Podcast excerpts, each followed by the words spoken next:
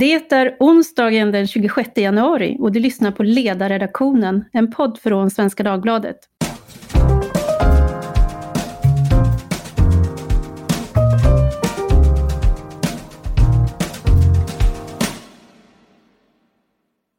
Jag heter Tove Livendal och idag ska vi tala om något väldigt stort.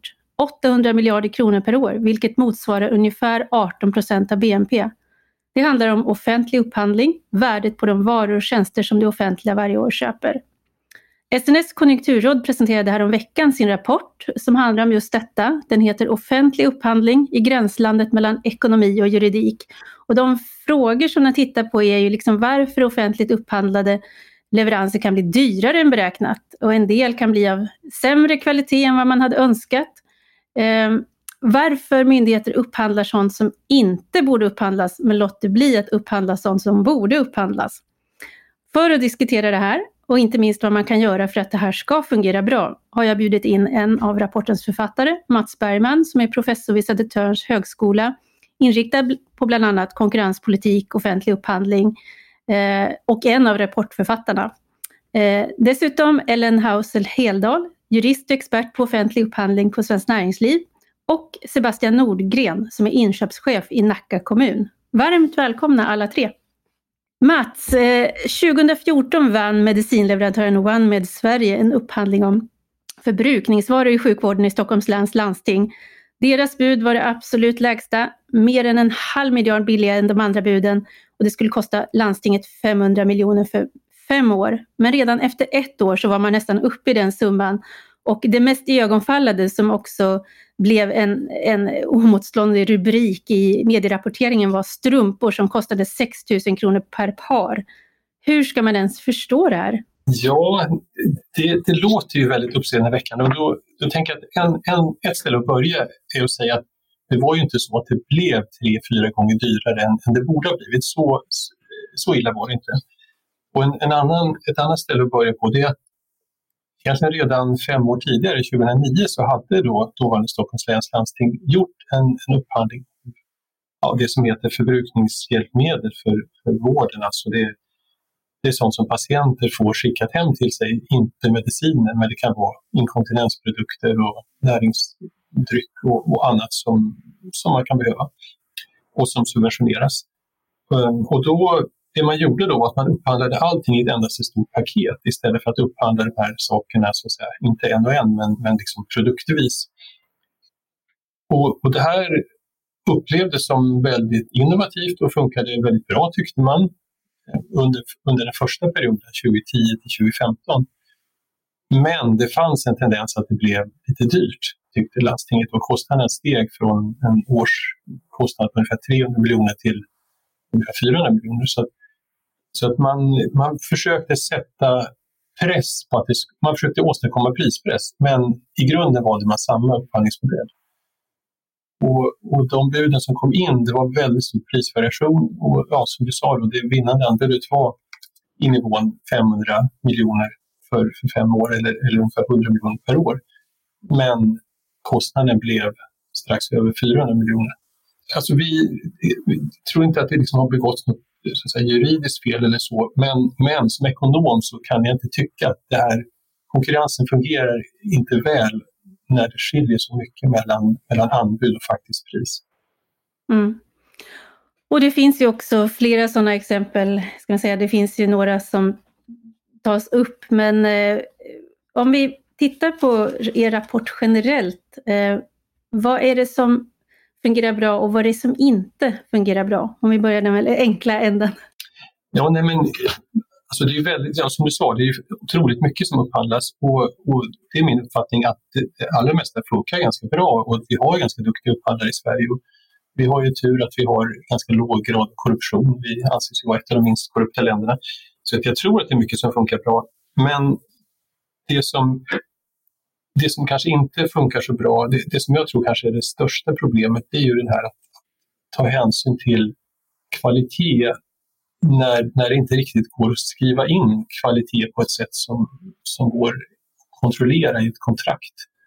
Det kan vara sånt som alltså mjuka kvalitetsaspekter som omsorg i, i om, omvårdnad och sådana här saker eh, även hur maten ska smaka bra och så vidare. Det kan man, delvis kan man hantera detta men, men delvis så lyckas man inte riktigt så bra med det. Så det är en sak. En, en annan sak är ju det här just att det, det förekommer att, eh, att priserna blir väldigt mycket högre än, än anbudet och, och att det inte riktigt är reglerat. Ibland händer ju saker som gör att det kostar mer men, men, men då bör det ju vara så att säga, i viss mån finnas inskrivet i kontraktet hur det ska hanteras. Och, och, om man ska ta en tredje sak så är det att det är ganska mycket processer i Sverige jämfört med andra länder. Mycket överprövningar. Ja, för en av de saker som kom upp eh, som exempel på oförutsedda utgiftsökningar på prestationen, det var ju det här med till exempel el och energi som nu hela Sverige känner av att det har blivit dyrare. Och det är, det, det är möjligen en faktor som man skulle kunna förutse om man tittade på hur politiken ser ut och verkar, men det är knappast någonting som alla som sitter och upphandlar tar med i beräkningen.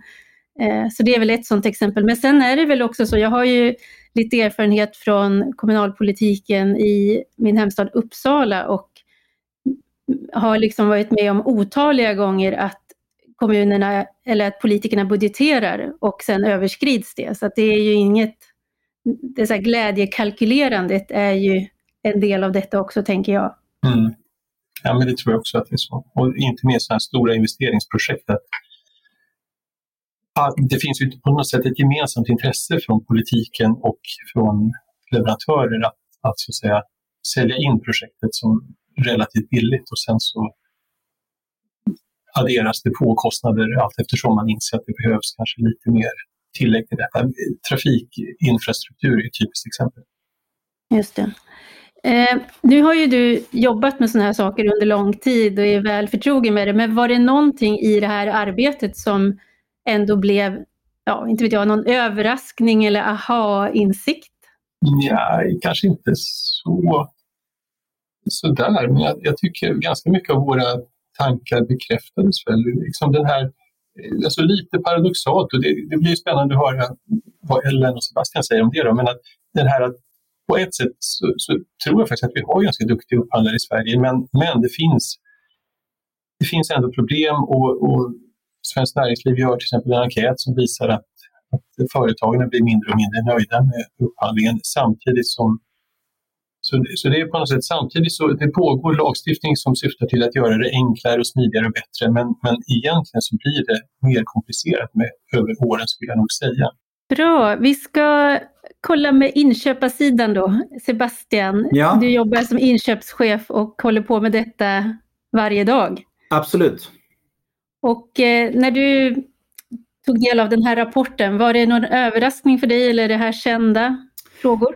Nej, de flesta sakerna är nog relativt känd materia. Eh, det viktiga tror jag är att vi lyckas lyfta den här dialogen som vi har här idag och som vi för på konferenser och i olika runda bordsamtal och andra nätverksforum där bland annat Svenskt Näringsliv och även ADDA, Upphandlingsmyndigheten, driver de här frågorna mot en utveckling. För att det finns ingenting i LOU egentligen som hindrar eller garanterar en god affär. Utan man kan göra hur bra eller hur dåliga affärer som helst inom ramen för lagstiftningen och ändå ha gjort rent juridiskt sett rätt.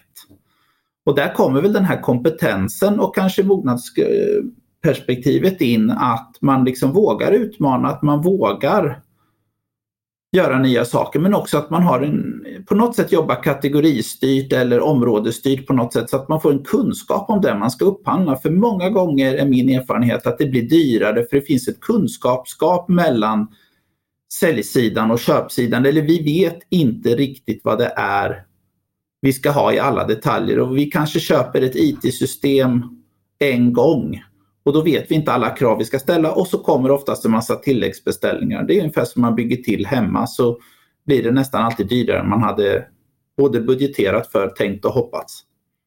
Eh, så det här kunskapsskapet och det för oss in på det här med kompetensområdet. Det är viktigt att vi har duktiga affärsmän och affärskvinnor som fokuserar på den goda affären och den här kravställningen som lite Mats är inne på är ju otroligt viktig och den skiljer sig inte från offentlig sektor mot privat sektor där jag jobbade första 15 åren av min, mitt arbetsliv utan vi har precis samma problem att definiera de här mjuka aspekterna av en affär. Framförallt när man köper tjänster. Att definiera en produkt är ganska enkelt. Den ska, man kan ha ritningar eller man ska köpa en dator och då finns det ett antal prestandamått så. Men när vi ska köpa tjänster, köpa en känsla av någonting, vi pratar god mat, god omsorg, då är det svårare att beskriva den. Men desto viktigare att göra det så att vi väldigt ofta tror jag att de här att vi kommer in och när vi blir inblandade i reklamationer så har man haft förväntningar på någonting som inte har uppfyllts och så frågar vi, visste leverantören det här? Nej, det kanske de inte visste, men vi trodde att. Vad är fackmannamässigt utfört? Vad är professionellt? Vad är så? Så jag tror att det är viktigt att vi går in och talar om vad det är vi vill ha. Och när vi inte klarar av det, ännu svårare infrastrukturprojekt när inte projekteringen är gjord, eh, då blir det tilläggsbeställning och då blir det dyrt. Jag skulle vilja veta hur det blir, eh, menar, om man tar eh, beställarsidan så har vi ju två grupper. Vi har ju både politikerna och sen har vi tjänstemännen. Mm. Och de har ju lite olika ingångsvärden i mm. detta. Mm. Och som min, min erfarenhet är väl att nu för tiden så är fler och fler politiker är ju fostrade inom politiken. Det är inte så många som kommer och har gjort 15 år i näringslivet och sen går in i politiken. Därför att det är svårare då. Eh, medan ganska många tjänstemän som till exempel ska jobba med inköp då rekryteras från näringslivet därför att man vill ha den kompetensen. Men jag tänker att det borde uppstå ganska rejäla kultur och förståelsekrockar mellan de här grupperna. Är det någonting som du har? Det är absolut en, eh, utmaning. Samtidigt har inte jag upplevt några jättestora kulturkrockar under min, Nacka är min första kommun. Så att, eh, och vi har ju väldigt, vi är alliansstyrda sedan vi bildades, höll jag på att säga, 71, så i 50 år. Eh, och har en väldigt stor tilltro till marknaden så, att den kan lösa mycket. Ja, man har Likadant så lägger vi ut väldigt mycket på underleverantörer som kanske andra kommuner gör i egen regi. Eh, men absolut så har ju de, de har ju, och det blir kanske ännu tydligare i valtider, de har ju massa politiska ambitioner att eh, de vill gärna ha jättemånga fotbollsplaner och jättemånga hus och jättemånga ishallar och jättemycket allt och så räcker pengarna en viss del. Och där tror jag den här, lite som Mats var inne på, professionaliseringen i att ta fram bra beslutsunderlag med bra budgetar. För då blir det ganska tydligt hur långt pengarna räcker. Och så blir det en prioritering som man kan göra tillsammans. Sen finns det absolut vissa politiska initiativ som man kanske tycker ur ett affärsmässigt perspektiv eller ett medborgarperspektiv måste vi ha det så. Men generellt sett så tycker jag den dialogen går ganska bra. Men jag tror att dialogen internt och dialogen med marknaden, näringslivet är jätteviktig för att minska det här gapet och även minska kunskapsgapet. Om vi vänder oss till Ellen då och funderar på hur ni ser på det här från vad ska man säga, utföra leverantörssidan. Mm. Vad ser du för, för utmaningar? Alltså många av de företag som levererar till offentlig sektor är i grund och botten ganska missnöjda, precis som Mats sa. Och det ser vi från den data vi samlar in varje år i det som kallas för lokalt företagsklimat. Och där upphandlingen av de frågor som vi ställer och det är den fråga som får absolut sämst betyg av alla frågor som Svenskt Näringsliv ställer i den här lokalt företagsklimatsundersökningen. Och det har sjunkit år från år. Och de senare åren har vi också haft frisvarsmöjligheter där företagen fått motivera varför de tycker att det här är dåligt. Och det som återkommer är ju hela tiden, äh, jag skulle säga för, jag skulle framförallt säga att de som håller på med entreprenader i olika former är extra missnöjda, den typen av företag. Alltså gräv, el, VVS, bygg, eh, den typen av företag. Eh, och det handlar väldigt mycket om att man upphandlar på lägsta pris, man tar inte hänsyn till kvalitet, man ser att det brister i avtalsuppföljningen så ett företag som har vunnit kan fakturera ett annat pris än vad som faktiskt avtalats och det händer ingenting. Eh, man har dålig kompetens och framförallt på entreprenadsidan har man väldigt dålig kompetens uppfattar företagen. Eh, de kan skriva exempelvis att det är uppenbart att kommunen har inte varit ute på plats och tittat på vad som faktiskt ska grävas här. Alltså de har ingen aning. Och det bygger i sin tur på att man kanske använder konsulter som sitter centralt någon annanstans och som aldrig varit ute på plats och inte heller vet, utan återanvänder gamla upphandlingsdokument gång på gång på gång. Och där har vi också statistik från Upphandlingsmyndigheten som säger att 70% av alla som tidigare hette förfrågningsunderlag och numera kallas för upphandlingsdokument, är copy-paste på gammalt material. Och då återanvänder man gammalt material, man använder krav som är relevanta och som är kanske obsoleta, eh, som inte hänger ihop så att man har olika kravprofiler som inte är riktigt kompatibla med varandra så att man inte vet vilket ben man ska stå på. Och det här är ju egentligen i grund och botten att man inte egentligen börjar från början och börjar från scratch när man sätter igång med ett projekt utan man återanvänder, väldigt mycket material. Och det här ser ju företagen som ska försöka alltså räkna på ett anbud och lägga anbud. Och för entreprenadsida så kan ju att lägga ett anbud kan ju vara flera hundra timmars arbete för en leverantör i ett större projekt, alltså uppåt 500 timmars ah, beräkningstid. Och ser man då att de här bristerna finns där så kan man, alltså frustrationen blir ju väldigt stor.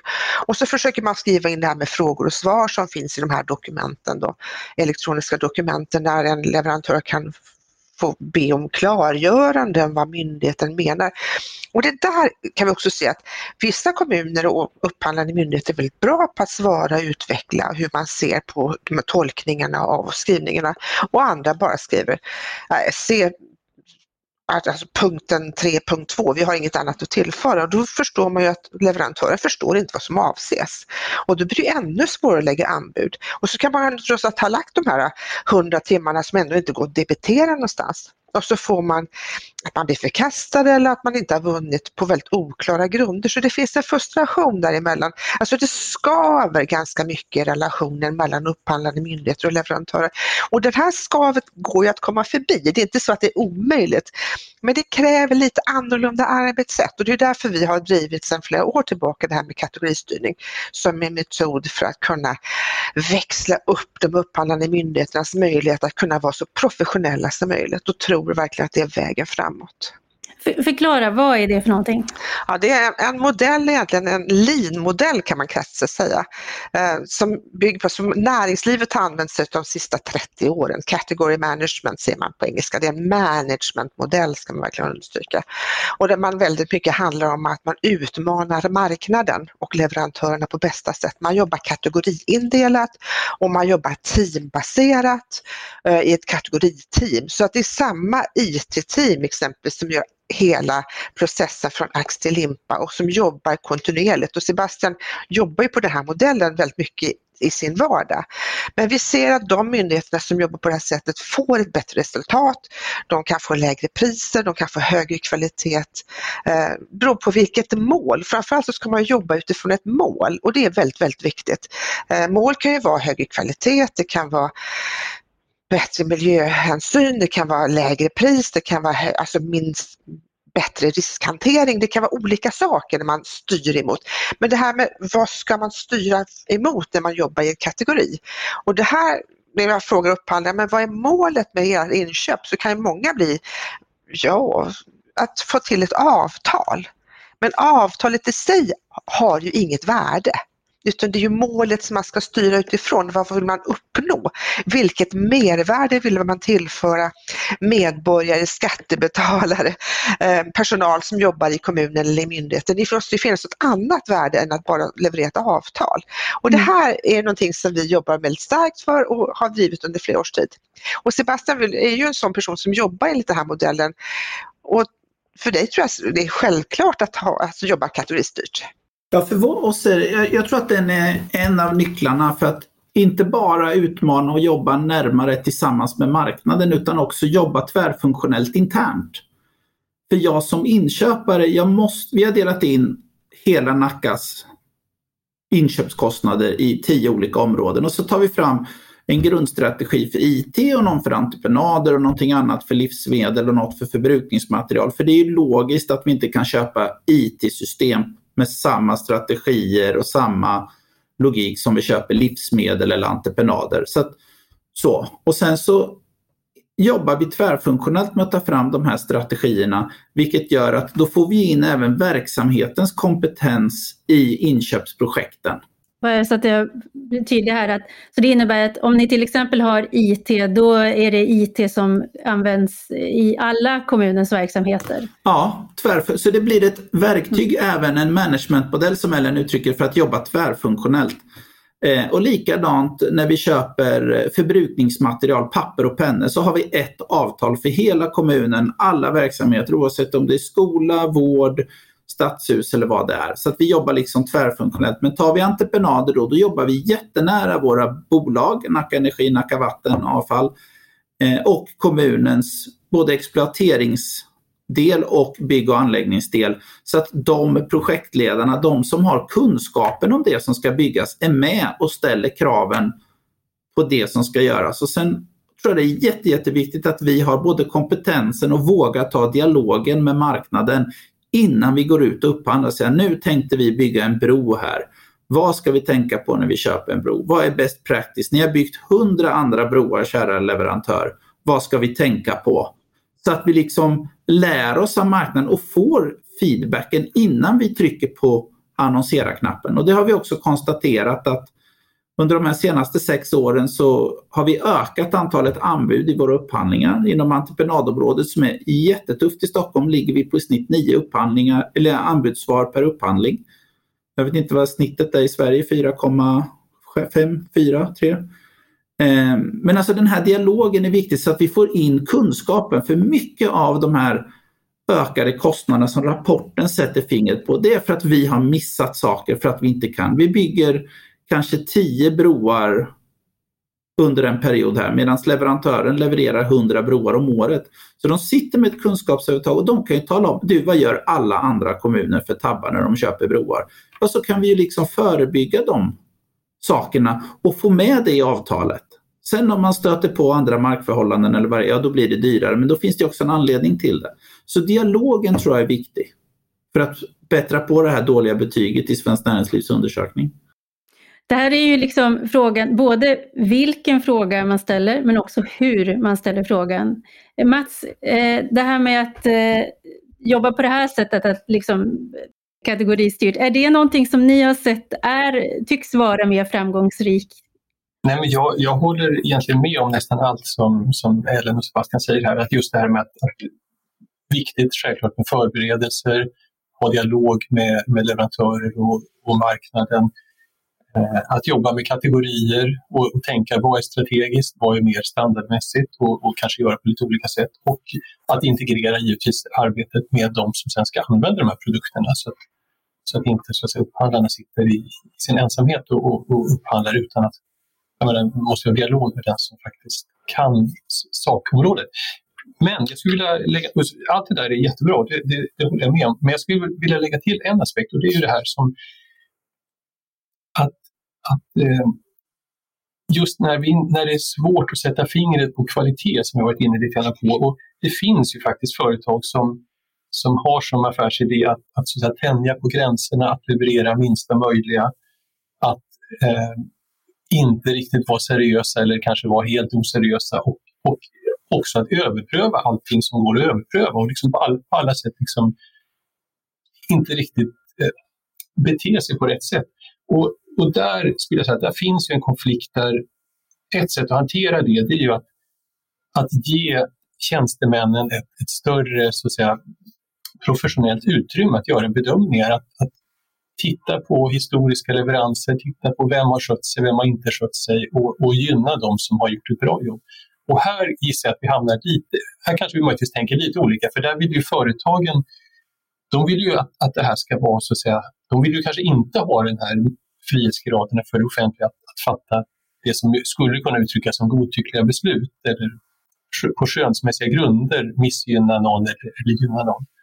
Men, men jag, jag, jag, ser det som ett litet problem att vi inte kan...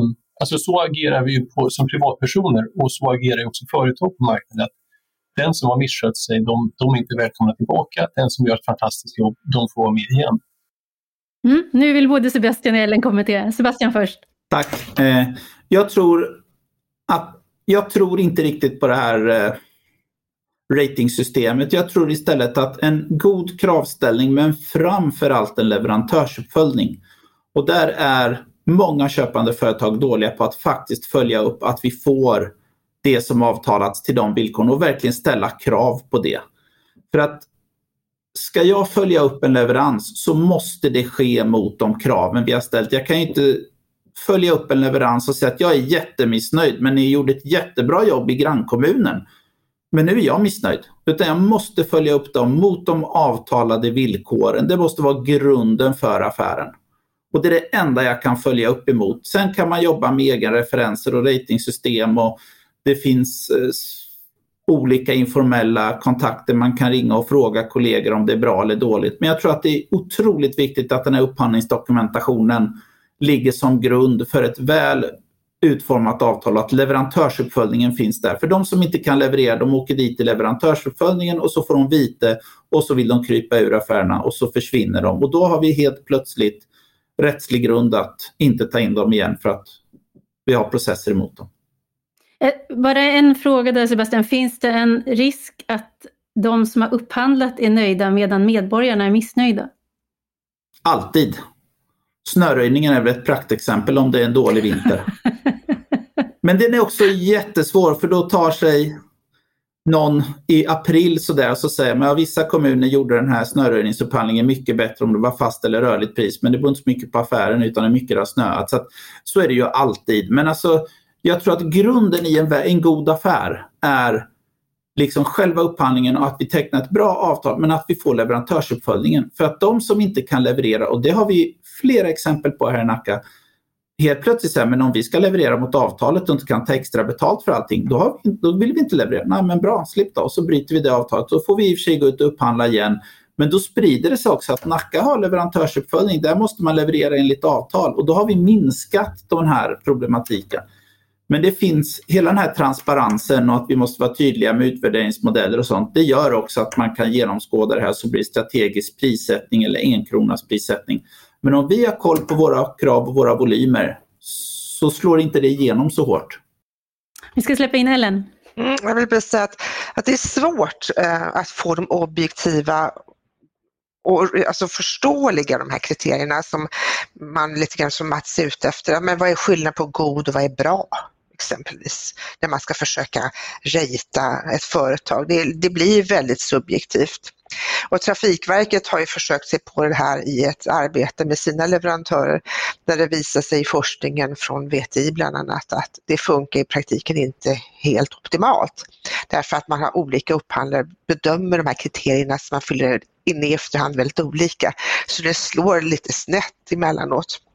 Men samtidigt också ska jag understryka att det finns en väldigt stor referent och referenströtthet ute i samhället från de som jobbar med, med upphandling och de som ska vara referenter och de kan ha 30-40 olika myndigheter som ringer liksom och vill ha uppfattning om de här leverantörerna. Det finns en enorm trötthet att fylla i de här enkäterna från upphandlande myndigheter eller referenter. Då.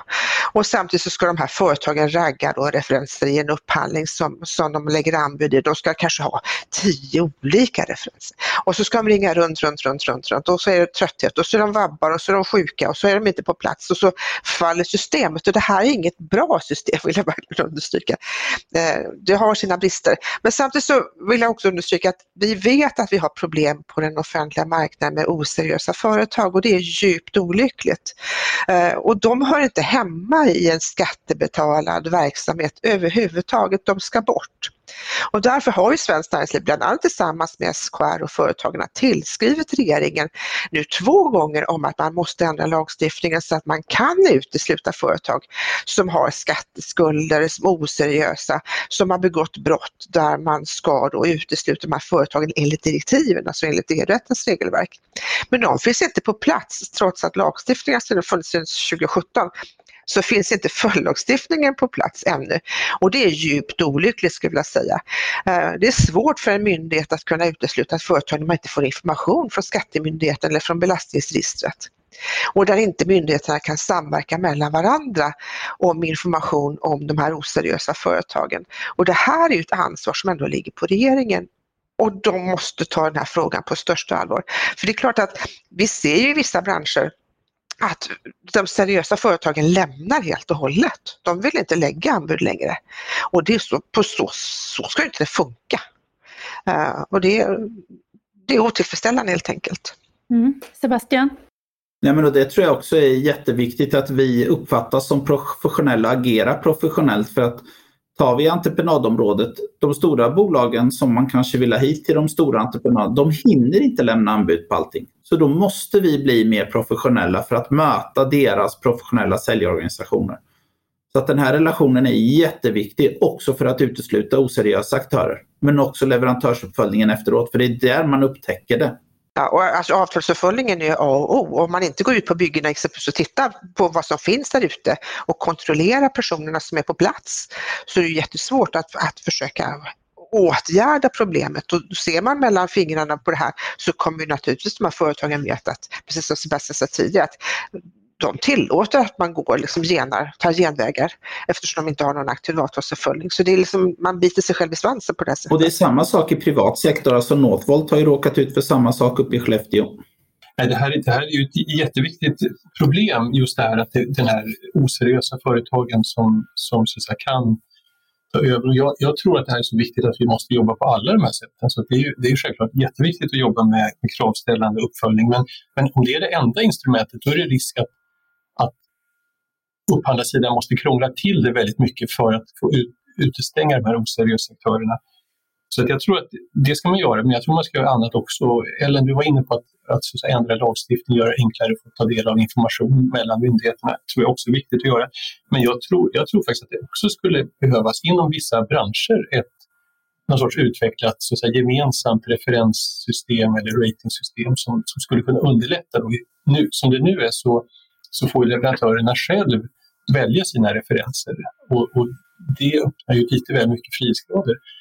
Och självklart finns det svårigheter och problem och, och det finns ju så här, ett, ett, som man kan nämna är ju att om upphandlarna i viss mån utvärderar sig själva när de sätter de här betygen så, så kan det ju snedvrida lite grann. Men, men jag tror ändå att just sådana tjänster som upphandlas så här, gång på gång på gång, entreprenadkontrakt, eh, omsorgsupphandlingar, olika vård, vårdtjänstupphandlingar och så vidare. Där finns möjligheten att jobba lite mer systematiskt, lite mer tillsammans och, och bygga upp så att säga, gemensamma system för att hålla borta de här oseriösa aktörerna och för att slippa krångla till det. Det finns, det finns ju exempel när man pratar med upphandlingschefer att blir det tillräckligt krångligt, ja då måste man vara väldigt fyrkantig, kanske gå på lägsta pris, kanske ha väldigt tuffa krav som egentligen är lite onödiga men syftet är att hålla ute de här oseriösa mm. aktörerna. Det, är, det, det, märks att detta är, det är någonting väldigt stort vi talar om, för det, det öppnar sig hur många frågor som helst. En av de saker som vi inte har berört, det handlar ju också om skillnaden i, i kompetens när det gäller stora och små eh, uppköpare, någonting som togs upp i rapportprestationen, eh, där man kan säga att i en, en, stor, en, en, stor kommun så finns det kanske en annan kompetens än i en väldigt liten om man har också ja, olika förutsättningar att göra de här. Ellen, vill du kommentera det? Ja, och jag håller med att det finns olika förutsättningar de olika kommunerna har. Men man ska ju tänka på att i de, även i de minsta kommunerna så jobbar ju nästan fler människor än i de större svenska företagen. Om man tittar på genomsnittet anställda personer i ett företag i Sverige. Så det är klart att det finns ju inte brist på personal utan för min del så handlar det om vad personalen faktiskt gör. Och i det kategoristyrda arbetssättet så jobbar ju fler personer men en mindre andel av sin tid med inköp. Så exempelvis personalen i skolmatsalen kan lägga kanske 5% av sin tid på att hjälpa till att göra en livsmedelsupphandling. Så att det är fler personer som hjälps åt. Eh, och det där är viktigt att man ser att även små kommuner kan. Och vi brukar försöka lyfta fram Alvesta kommun som vi har haft många gånger och som har undervisat andra kommuner.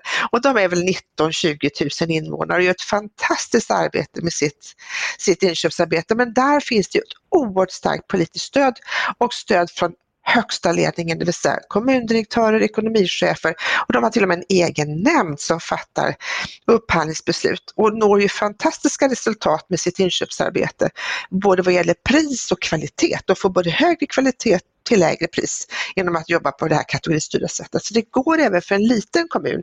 Däremot kanske inte Bjurholm, den minsta, kan klara av detta. Men man får tänka på att jag tror att kommuner på 12, 15, tusen och uppåt klarar av det här arbetet. Det handlar bara om egentligen att det finns ett tydligt ledarskap och ledarskapet är så otroligt viktigt i detta. Och där kan jag säga som varit ute kanske hundra kommuner och pratat att Eh, politikerna kan tycka att upphandling, ja, ja det är ju jätteroligt och bra, så här, men de har ju egentligen ingen politisk ambition, de har svårt att göra politik utav det här, förstå, förstå liksom vad värdet egentligen är och det kan vara fint att prata lite med företagen och sen så business as usual. Att förändra och jobba på ett helt annorlunda sätt är jobbigt och det är tungt och så här förändringsarbete som jag menar på krävs är det inte alla kommuner som är beredda att ta. Eh, och det märker man också på de kommuner som inte klarar av sitt inköpsarbete lika tydligt. Där finns ju inte stödet från kommundirektörer, ekonomichefer och, och politiska ledningen på samma sätt. Hörrni, tiden ramlar på här. Jag tänker på det, det är ju, när man pratar om sådana här system så är det ju, det, man, man, får komma ihåg så att säga, vad, vad är utgångspunkten och det är ändå medborgarens upplevelse av det hela. Eh, och jag tror, eh, jag funderar på det här med, med mjuka värden som Mats var inne på. Det, det märker ju medborgarna när man hör det. Det vill säga, eller när, man, när man möter det. Man vet vad man tycker är god mat, man vet vad man tycker verkar vara ett trevligt äldreboende att bo på. Och jag känner att det är ju, det, det, det måste ju på något sätt vara utgångspunkten i den här processen.